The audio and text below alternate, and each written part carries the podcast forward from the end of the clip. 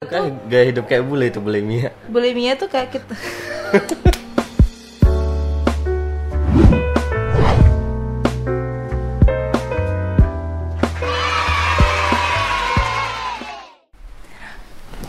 Ah, Hai teman-teman semua, balik lagi nih di Pony Podcast Nitya Papung Dan kali ini kita ada di segmen terbaru Yaitu Pony Lurus Podcast Nitya Lucu tapi, serius.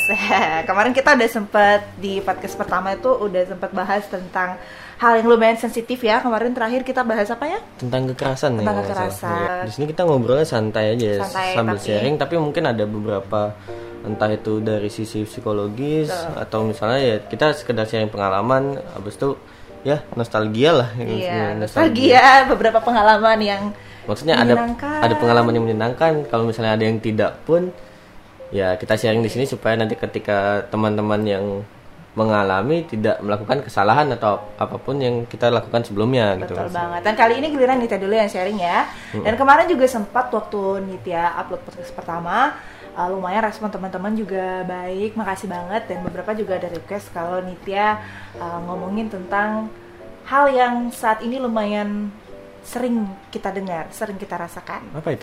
Ada trio masalah, yaitu trio masalah. Ngalahin trio macan nih? Eh udah nggak ada, masih ada nggak sih? Masih, Masih ya? Oh ya baik. masih.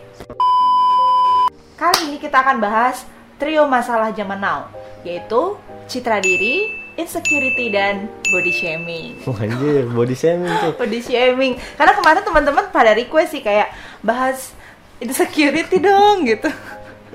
Atau bahas body shaming dong kak gitu. Ya udah karena itu sebenarnya tiga hal yang gak bisa dipisahkan. Jadi kita akan bahas satu-satu dan nanti juga mungkin ada beberapa pengalaman Nitya yang benar-benar Nitya rasakan. Mungkin kalau teman-teman SMP, SD Nitya mungkin kalau dengar ini pasti tahu sih karena Langsung kenal ya? langsung kenal gitu. Oke, Iya. kita balik ke trio masalah zaman now ini. Ada citra diri, insecurity, sama body shaming. Kemarin kita banyak banget ya ngeliat film-film terutama yang uh, apa mengangkat tentang insecurity gitu ya. Terakhir ada filmnya Ernest juga. Kemudian juga Oh, iya. uh, terus sekarang juga udah banyak banget ada kampanye-kampanye anti body shaming Apa gitu. tuh ya? Imperfect ya, imperfect. Imperfect Wah, ya. by the way ini bukan sponsor ya? Enggak, enggak. Kita nggak sponsor, tapi kalau Nggak, mau silakan. Cuman itu salah satu ya. Mohon uh, izin kok. Mohon izin kok. Salah satu uh, film yang mengangkat insecurity sama body shaming ini. Tapi sebelum itu kita bahas citra diri. Nggak tahu nggak citra diri itu apa? Tidak. Citra diri tuh kayaknya bahasanya terlalu serius sih, terlalu psikologis banget ya. Cuman kalau mungkin bahasa lebih umumnya, citra diri itu ke self image gitu, gambaran diri gitu. Bagaimana kita um, menilai diri kita, memberikan sebuah gambaran tentang diri kita sendiri gitu. Nah biasanya kalau uh, citra diri ini menyangkut beberapa hal ya, bentuk tubuh, Bentuk tubuh. kemudian Body shaming lagi. tubuh itu ya termasuk sih maksudnya kayak berhubungan dengan uh, si body itu tadi jadi itu uh, citra diri itu seperti gambaran diri gimana kita meng- uh, memberikan penilaian pada diri kita gimana kita uh, be- memberikan persepsi terhadap diri kita dan faktor faktor uh, apa namanya faktor yang mempengaruhi gambaran diri itu banyak sih salah satunya adalah komentar orang upload foto sedikit ih lengannya gitu. Hmm. ih gendutan ya dan sebagainya gitu Ih gendutannya, makanya diet dong. Ih kurus banget, nggak bisa beli makan apa? Wah anjir, serba salah. nanti kita akan bahas belakangan itu benar-benar pernah Nitya alamin sih ya itu tadi ya faktor pertama tuh eh, yang mempengaruhi gimana kita memberikan penilaian sama diri kita tuh satu komentar orang yang kedua adalah seberapa sering kita membandingkan diri kita ke orang lain. Sering Oh bandingin sering diri sama banget, orang lain nggak? Sering banget. tanpa sadar ya kalau kalau kita kalau kita misalkan sering ngomong kita nggak boleh membandingkan diri kita sama orang lain. Tapi tidak munafik kita sebagai manusia tanpa sadar sering banget eh, apa membandingkan diri kita dengan orang lain. Entah itu membandingkan yang bagus maupun membandingkan yang buruk gitu. Iya memang. Kalau kalau dari pengalaman pribadi sih pasti ada. Secara tidak langsung kita bakal selalu membandingkan diri sendiri ya. Se Sesederhana pasti eh, hampir semua orang pernah berpikir seperti ini. Oh kita sama-sama makan nasi kok dia bisa kenapa aku enggak? itu kan Iya, udah secara tidak langsung membandingkan. membandingkan tapi itu Positif. positif kan Mhm. kita uh, apa namanya untuk membangun diri cuman kan membandingkan yang menjadi membandingkan yang tidak baik yang negatif sampai menjadi patologis ini yang nggak bagus Hmm. misalkan kayak ya membandingkan ih dia kurus banget aku kok gini ya dan sebagainya. Ya kalau pada akhirnya dia olahraga sih bagus tapi kalau misalkan terus terus dia memikirkan itu tanpa melakukan apa-apa itu yang Ini kita lagi musuhan apa bagaimana nih ceritanya? kamu mau deket-deket ya? Enggak juga. maaf ya netizen. Memang dia entah itu di depan kamera ataupun di dunia nyata memang dia selalu ingin deket-deket aku. Bacot. itu gambaran diri ya. Jadi setiap orang tuh punya gambaran tentang dirinya dia masing-masing entah itu sadar ataupun tidak sadar. Entah itu dipengaruhi oleh komentar orang lain seperti yang kita bilang tadi ataupun uh, muncul dari dirinya sendiri karena dia membandingkan diri dengan orang lain gitu.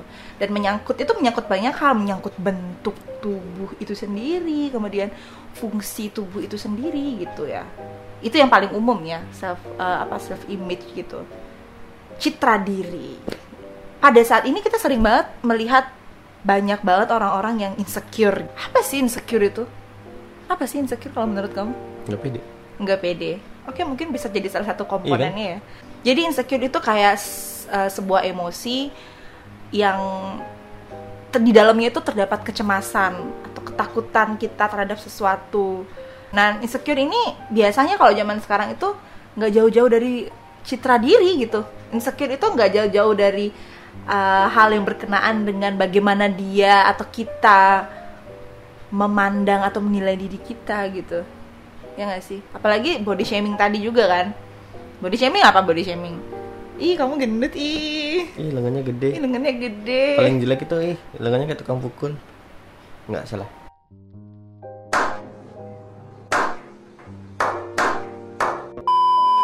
ya teman-teman tahu lah ya body shaming itu sebuah komentar gitu yang mengarah pada bentuk tubuh kita yang biasanya itu negatif gitu teman-teman di rumah pasti pernah melakukan body shaming. Karena body Secara shaming tidak itu sadar. sebenarnya sadar nggak sadar loh. Kayak ih kamu gendutan ya sekarang. Tapi itu kan refleks aja gitu. Di samping refleks itu kayak udah jadi kebiasaan atau misalnya jadi jokes paling standar orang iya yang Sini lama nggak ketemu gitu ya. Eh, udah lama nih. udah lama nih. Kayaknya ada yang berubah deh. Kayaknya ada yang berubah ya bener-bener. Itu tuh kayak jadi hal yang biasa gitu. Padahal kalau dipikir-pikir oke kalau misalkan dari rumah kamu masih dalam kondisi emosi yang stabil-stabil aja dikatain begitu paling jatuhnya jadi bercanda ya. Mm-mm. tapi kalau misalkan nih contoh ya kamu udah aku nggak udah lama banget nggak ketemu Yudi gitu. Terus tiba-tiba Yudi datang ibu kok kayak jerawatan gitu sekarang?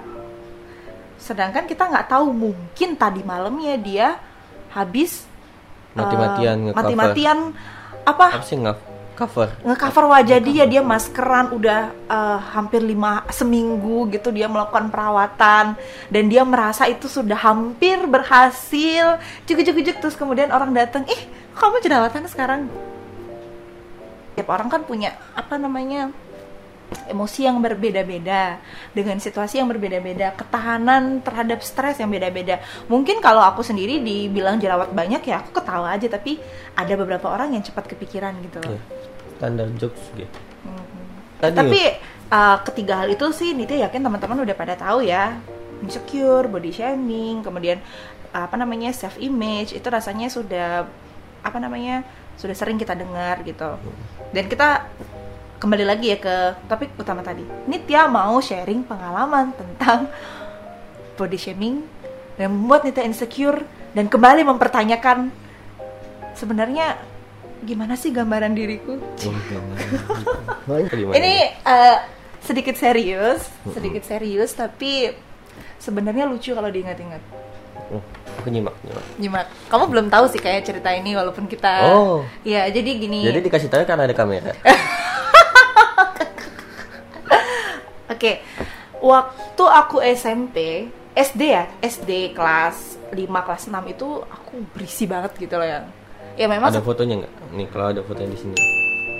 berisi gitu. Jadi waktu itu eh, SD tuh memang aku tuh terkenal sebagai salah satu murid yang bongsor. Ngerti bongsor ya? Kayak tinggi dan berisi gitu. Kan pasti masa kecil kita pasti Iya, iya, identik dengan iya julukan. sih. Aku dipanggil gendut sih pada saat itu. Nah kan pasti Sering dibilang dikatain endut atau apa.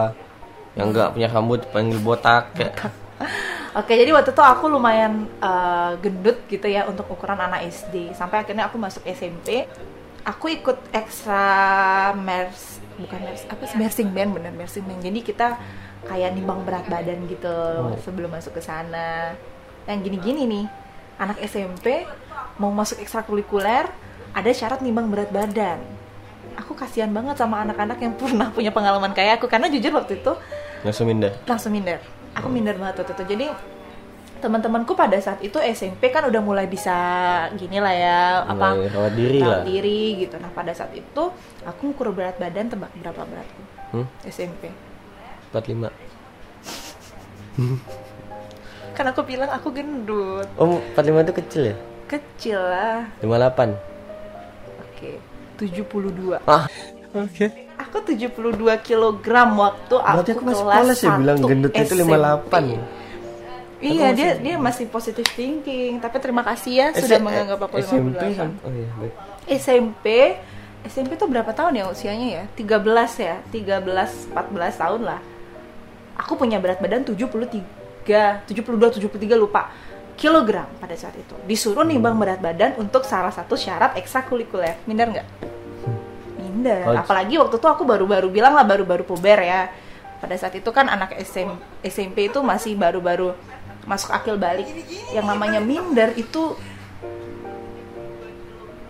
ya minder banget gitu malu malu lah pokoknya ya biasa lah dikatain gendut gitu berisi moleh ya kalau bahasa Balinya moleh kan bilang moleh gajah gajah. Ih bener loh Eh, gajah dipanggil juga? gajah. Aja, iya. Aku nggak- aku nggak salah loh. karena aku tinggi dan aku berisi ya. Gajah kan begitu Hmm. tinggi dan berisi gitu. Babi? Babi kan pendek. Oh, iya. aku nggak pendek sih sayangnya. Nggak, aku sengaja biar Ada yang mau, mau ngatain aja sih. Kapan lagi dia bisa ngatain kan? 3 SMP aku mulai suka sama orang gitu dan mulailah punya keinginan untuk nurunin berat badan pada saat itu. Eh, Penolakan yang paling aku masih ingat sampai sekarang adalah aku pernah ikut lomba teater gitu SMP kan. Terus waktu itu ada teman-teman aku kakak kelas dan guru aku yang bilang, "Aku pingin peran A nih, pingin jadi si A ini." Tapi kata mereka, "Kamu nggak cocok jadi A soalnya kamu selalu gendut." oh itu teman apa guru teman-teman dan guru. Kalau guruku lebih Guru? lebih halus bahasanya Oh, kalau guruku. Guruku waktu itu bilang "Eh, cari yang kecilan aja untuk peran A ini. Menurutku Jujur banget waktu itu ya aku bener-bener kayak sedih banget sih waktu itu. Eh kalau aku ingat sekarang jadi pingin nangis ya.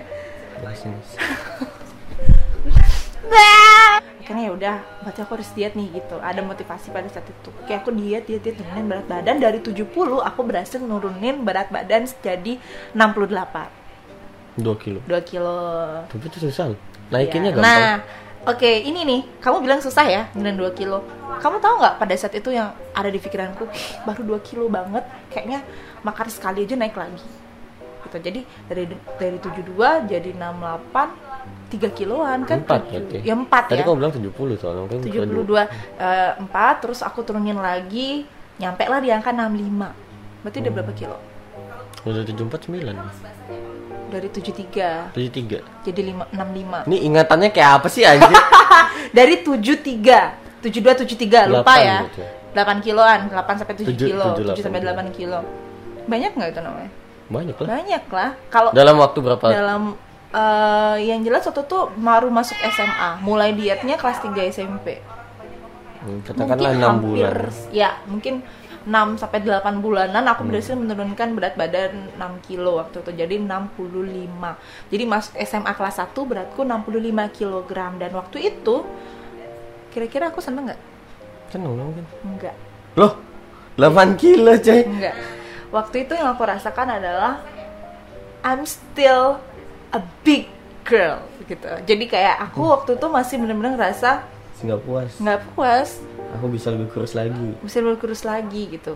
Aku turunin lagi jadi 63 63 belum puas juga.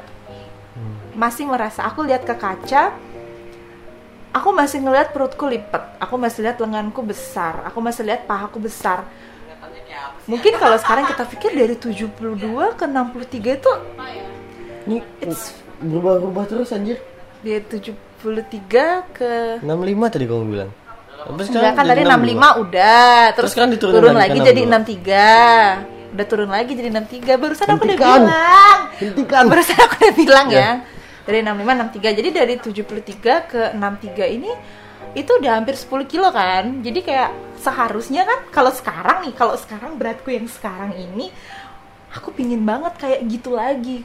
Ya turun 2 kilo 3 kilo aja nggak apa-apa dah aku kanggo dah gitu kan. Hmm. tapi pada saat itu kenyataannya aku sama sekali nggak merasa puas dengan berat badanku yang 63 kilo ini. Gitu. Terus teman-temanku juga bilang "Eh, ada beberapa yang mengapresiasi ya kayak ih kamu kurusan ya sekarang tapi Sederhana ya. itu selalu aku dengar aku nggak pernah benar-benar mendengar orang tuh memuji dengan Tulus. pure tanpa tapi ya kamu kurusan ya sekarang tapi kok layu banget ya mukanya Ada lagi objek yang dikomentari. lebih seger kamu waktu berisi loh sedangkan pada saat aku berisi banyak banget yang bilang kamu diet dong udah SM udah mau SMA sedangkan pas aku sudah kurus kamu layu banget jadi kayak aku tuh bener-bener bingung pada saat itu kok aku salah terus ya? Dan 63 itu masih tetap ada yang bilang tapi lenganmu masih agak bergelambir ya. Gitu. Jadi itu it singkat cerita aku berhasil menurunkan sampai 54 kg 53 54 lupa ya antara itulah. Hampir 20 kilo. jadi kalau dari 73 awal tadi yang aku SMP kelas 3 itu sampai aku 52 3 itu sekitar 19 sampai 20 kilo aku udah menurunkan berat badan. Apa yang kurasain? Ngerasa bahagia enggak? Ngerasa puas enggak? Ngerasa seneng enggak? Perasaan yang aku rasain adalah sama ketika aku masih berat badan 73 waktu itu. Soalnya kayak kamu udah ngeluarin effort sebesar itu nih, pas ketemu orang siapa tahu mereka ngomong kayak eh udah kurusan nah gitu dong kan lebih bagus iya. kelihatannya Mungkin kalau harapannya harapannya, begitu- seperti itu, demikian. tapi ternyata enggak. Jadi waktu itu benar-benar aku tuh ngerasa aku terfokus sama komentar orang pada saat itu. Gitu. Dan ini juga berat badan 53. Rambutku kan masih panjang ya waktu itu. Jadi karena eh, beberapa teman bilang kamu kayaknya cocoknya rambutnya pendek deh karena kamu kurus banget sekarang. Jadi kalau kamu rambutnya panjang, kamu agak layu. Aku potong dari rambut. wah hidupnya dengan dari komentar netizen tapi nggak munafik loh kita tanpa sadar sering banget walaupun kita bersikeras bilang "Eh, aku nggak boleh terlalu mendengarkan omongan orang tapi aku yakin di ba- di bawah alam bawah sadar kita itu kadang kita tuh masih benar-benar kemakan sama omongan orang. Kira aku potong rambut udah potong rambut ada juga yang komen. Kamu Ada potong rambut sih? Kayak cowok tahu nggak ayu? Tadinya dibilang layu sekarang dibilangnya nggak ayu. So kudu piye? Gudul. Dasmu Dasmu. frustasi nggak sih frustasi aku waktu itu. Pada saat aku lihat kaca aku masih merasa diriku gendut lenganku masih bergelambir pahaku masih eh, besar kakiku masih besar gitu. Aku ngelihat teman-teman lain yang kakinya ramping banget aku minder. Karena aku itu punya kelebihan.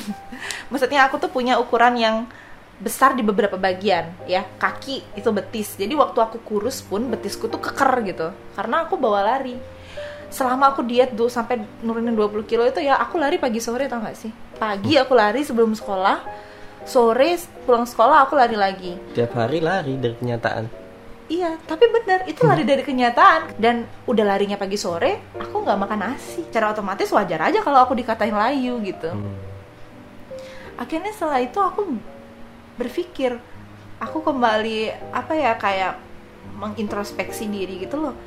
Dari berat badanku 73 sampai akhirnya 53, aku hanya ngerasa seneng awal aja gitu. Hmm, ketika ada turun satu kilo deh. Satu kilo aja Oh. dari ya udah. Oh ya udah. Karena komentar orang-orang itu yang mungkin sebenarnya dia nggak ada niat untuk ke sana ya cuman iseng aja. Eh kamu ininya goyang-goyang gemes lucu banget kayak jelly. Dia bercanda kan tapi, tapi akunya ternyata masuk masuk gini jadi ke- kepikiran iya gitu. kepikiran karena aku sudah menghabiskan waktuku aku nggak makan apa namanya nggak makan coklat seujung pun padahal aku suka banget manis-manis dan ternyata orang ada tiba-tiba orang datang bilang lengan kayak jelly ada beberapa hal yang aku simpulkan dari kejadian itu yang pertama adalah kita sebagai manusia itu tidak akan pernah merasa puas benar-benar puas dengan segala Hmm. sesuatu. Apa pun yang kita rasakan senang hari ini, kita tidak akan rasakan itu besok. Kita sebagai manusia itu terlahir uh, dengan sense untuk selalu mencari, untuk selalu mencari apa pun itu kayak kayak tadi berat badanku udah turun aku masih berusaha untuk mencari berat badan idealku aku udah punya sepatu dua tapi aku masih berusaha untuk mencari sepatu-sepatu lain yang lebih bagus aku udah punya rumah tapi aku masih berusaha untuk mencari mobil bagus sepeda motor yang bagus Tapi kalau udah punya pasangan jangan pernah punya pikiran nyari pasangan lain ya. banyak kan gitu udah punya Oh, cewek gitu. cantik udah punya cewek cantik nih sampai orang-orang bilang wih kalau aku punya cewek secantik dia Cantik itu relatif gak sih? nggak bakal aku selingkuh tapi kenyataannya pada saat sudah dapat cewek cantik selingkuh juga. Ada beberapa ya nggak semua ya. Itu maksudnya manusia tuh punya sense untuk terus mencari. Kalau istilah psikologisnya itu namanya treadmill hedonis. Oh, jadi hedon. manusia ya ada treadmill hedonis. Treadmill kebayangkan treadmill Hmm. itu tuh nggak pernah berhenti kan? Lari terus. Hedon untuk prinsip kesenangan. Jadi treadmill hedonis. Kita sebagai manusia tuh selalu ingin mencari segala sesuatu yang membahagiakan kita. Padahal sebenarnya kita nggak akan benar-benar bahagia gitu itu akan terus kita rasakan dan kalau kita ikutin terus ya jadinya kayak aku. Apa? udah turun 3 kilo ah masih gendut. Udah turun 5 kilo ah masih gendut. Sekarang di posisi sekarang aku sudah benar-benar sadar ini kalau aku inget-inget sekarang berat, berat badanku jadi 67 aja. Aku bersyukur banget. Tapi ternyata pas lalu aku udah ada di berat badan itu aku nggak bersyukur Hmm, gitu. sampai 20 kilo turunnya. nggak pernah merasa mungkin puas tapi aku nggak pernah benar-benar merasa lebih baik gitu. Poin kedua adalah ternyata insecure itu termasuk kalau menurutku aku sudah menganggap diriku pada saat itu insecure. Karena aku Hmm. udah punya berat badan 53 ngeliatin temen yang kakinya jenjang aku masih Malu, malu. Nggak pede. nggak pede. Aku ingat banget dulu pernah ya di Balai Budaya Gianyar itu pernah ada acara. Jadi toiletnya tuh ada di sebelah sini misalkan. Aku duduk di sebelah sini dan di sini ada gerombolan orang-orang dengan kaki jenjang. Aku tahan pipis. Aku nggak berani ke sana karena aku minder padahal pada saat itu beratku udah 63 mamahku tuh udah sering bilang kurus banget deh kok gini kurus banget gitu tapi pada saat itu aku ternyata masih minder jadi yang kedua poinnya adalah ternyata insecurity itu tidak selalu hanya karena komentar orang, tapi tanpa sadar kita sendiri yang membuat diri kita insecure. Hmm. Ngerti nggak?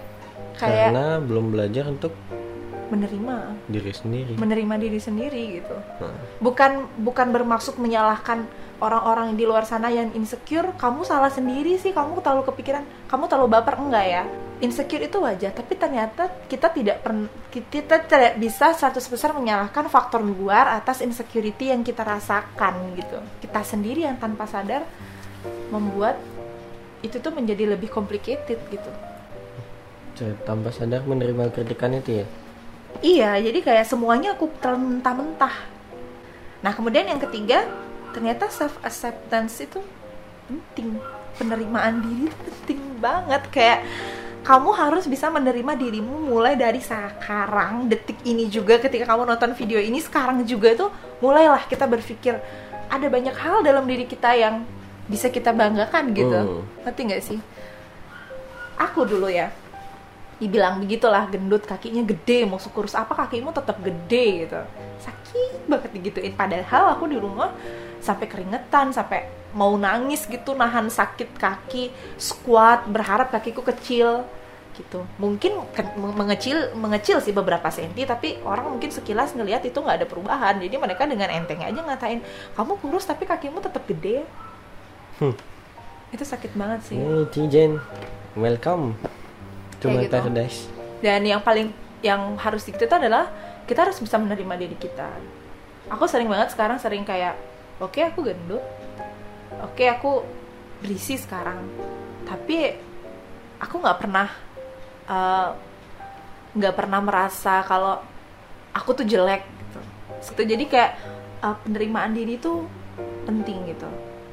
Yang bisa kita lakukan tuh banyak. Kayak aku nih sekarang ya setelah aku sadar tiga hal itu aku mulai ngerasa oh ternyata di luar sana banyak yang lebih uh, banyak yang bukan bermaksud membandingkan lagi ya. Maksudnya kayak di luar sana pun aku nggak sendiri ternyata. Insecurity ini nggak cuman aku alamin tapi banyak di luar sana yang juga mengalami hal yang seperti aku alami.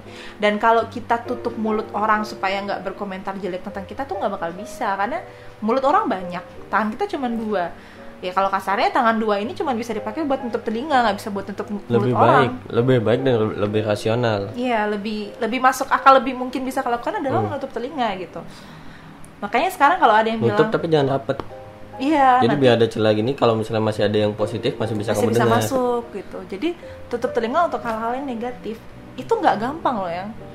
Aku Hmm. akui itu nggak gampang. emang gak gampang Sangat tidak gampang kita untuk bisa tidak tersinggungan jadi orang, tidak baperan. Karena kembali lagi kita manusia itu pasti ngerasain baper. Tapi ada banyak hal yang bisa kita lakukan. Yang pertama nih, aku sering ya, eh, ih kamu berisian nih sekarang balik lagi bodinya kayak dulu.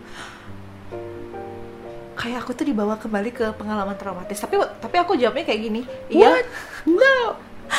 Jadi tapi aku jawabnya gini, iya soalnya baru jadian, nggak tahu dikasih makan terus sama pacarku bahagia. Nah itu jadi alasan yang bagus tuh. Kakiku dibilang gede gitu. Ya gede lah orang aku kuat lari 12 kali keliling lapangan dulu. Ada dulunya ada dulunya. Tenang tenang tenang. Sabar sabar. Ada dulu ada dulu. Gitu. Jadi ingat aja ketika orang berkomentar buruk soal kita sebenarnya di dalam diri dia yang berkomentar buruk itu dia juga punya hal yang buruk yang dia tahu tentang dirinya. Terkadang malah apa yang orang apa utarakan tentang apalagi yang negatif-negatif tuh biasanya. biasanya tuh refleksi dari dirinya dirinya. ih lenganmu gede banget ya sekarang. Karena dia insecure juga Karena sama dia lengannya. mungkin insecure juga dengan lengannya gitu. Kalian berpikir aja ke sana untuk bisa lebih merilis emosi ya. Jadi dia juga punya kekurangan itu. Yang kedua, badan gendut, perut lipat-lipat, selulit banyak itu dialami oleh ribuan perempuan atau laki-laki di dunia ini. Jadi kita nggak sendiri gitu. Itu semua adalah hal yang wajar tapi memang sulit untuk kita bisa terima tapi itu bisa dilatih kalau misalkan kita mau terus yang ketiga adalah sekarang kita mulai eh, latihan gitu sejak dini untuk mengantisipasi kalau misalkan di luar sana masih aja ada orang yang gemes gitu yang nakal gitu yang masih suka komentar-komentar tentang badan kita. Ih kamu kayak triplek ya sekarang? Ih kamu hitam ya hiteman ya? Iya nih repot jadinya kalau jalan-jalan di Kuta diliatin bule terus. Eh, meskipun itu nggak 100% membuat kita merasa lebih baik tapi itu ternyata membuat kita merasa lebih baik sih sekian persen walaupun nggak 100% meskipun nggak 100% membuat kita merasa lebih baik gitu tapi ada sekian persen emosi yang terilis kalau kita bisa eh, mengeluarkan statement itu. Dan kita eh, puas aja gitu bisa jawab apa yang dia bilang gitu. Ngerti nggak maksudku? Kayak gitu. Jadi ya sekarang mulai dari sekarang itu kita aku balik lagi dikit ya ke chat aku yang kemarin. Akhirnya berat badanku kembali berangsur-angsur berat lagi. Dari 53 Kayak normal. naik 55 naik 60 frustasi nggak? Frustasi banget lah pasti ya karena kayak kenapa sih berat badan itu hanya sebentar saja ringannya gitu. Udah masuk ke 6 6 udah masuk ke 63 65 aku berpikir lagi aduh aku pingin dong lagi ke berat badanku yang 53 kemarin. Padahal waktu berat badanku 53 kemarin aku sama sekali nggak bersyukur gitu. Karena ya itu tadi karena aku kurang kurang banget penerimaan diriku pada saat itu sampai akhirnya aku mulai perlahan bisa menerima sampai beratku yang sekarang kalau boleh teman-temanku pasti pada tahu sih Nitya tuh berisi gini tapi suka banget pakai baju yang gak ada lengannya Padahal, eh, tapi itu sebenarnya salah satu bentuk terapiku sih, terapi untuk di diriku ya. Jadi kayak aku nggak pakai baju lengan karena aku mau membuat diriku terbiasa eh, memperlihatkan aku yang apa adanya. Gitu. Teman-teman sekarang di rumah yang mungkin ngerasa seperti itu, buatlah jawaban-jawaban versi kalian yang bisa membuat kalian merasa lebih baik. Gitu. lebih tenang eh lebih tenang. lebih tenang gak sih Ya, lebih tenang. Mungkin walaupun tidak 100% tapi itu bisa membantu gitu. Ya, aku berisi sekarang ya karena aku lebih menikmati setiap makanan yang masuk ke badanku, nggak kayak dulu yang bener-bener nahan lapar sampai lemes gitu. Aku menikmati semua. Sekarang olahraga ya sebatas olahraga supaya sehat aja nggak bisa. ya. Itu untung aku nggak sampai ada gejala mengarah ke bulimia loh. Bulimia tuh kayak nggak perlu nasi roti rotian doang oh bukan, ya Bukan, kita Aku kan tuh- gaya hidup kayak bule itu bulimia bulimia tuh kayak kita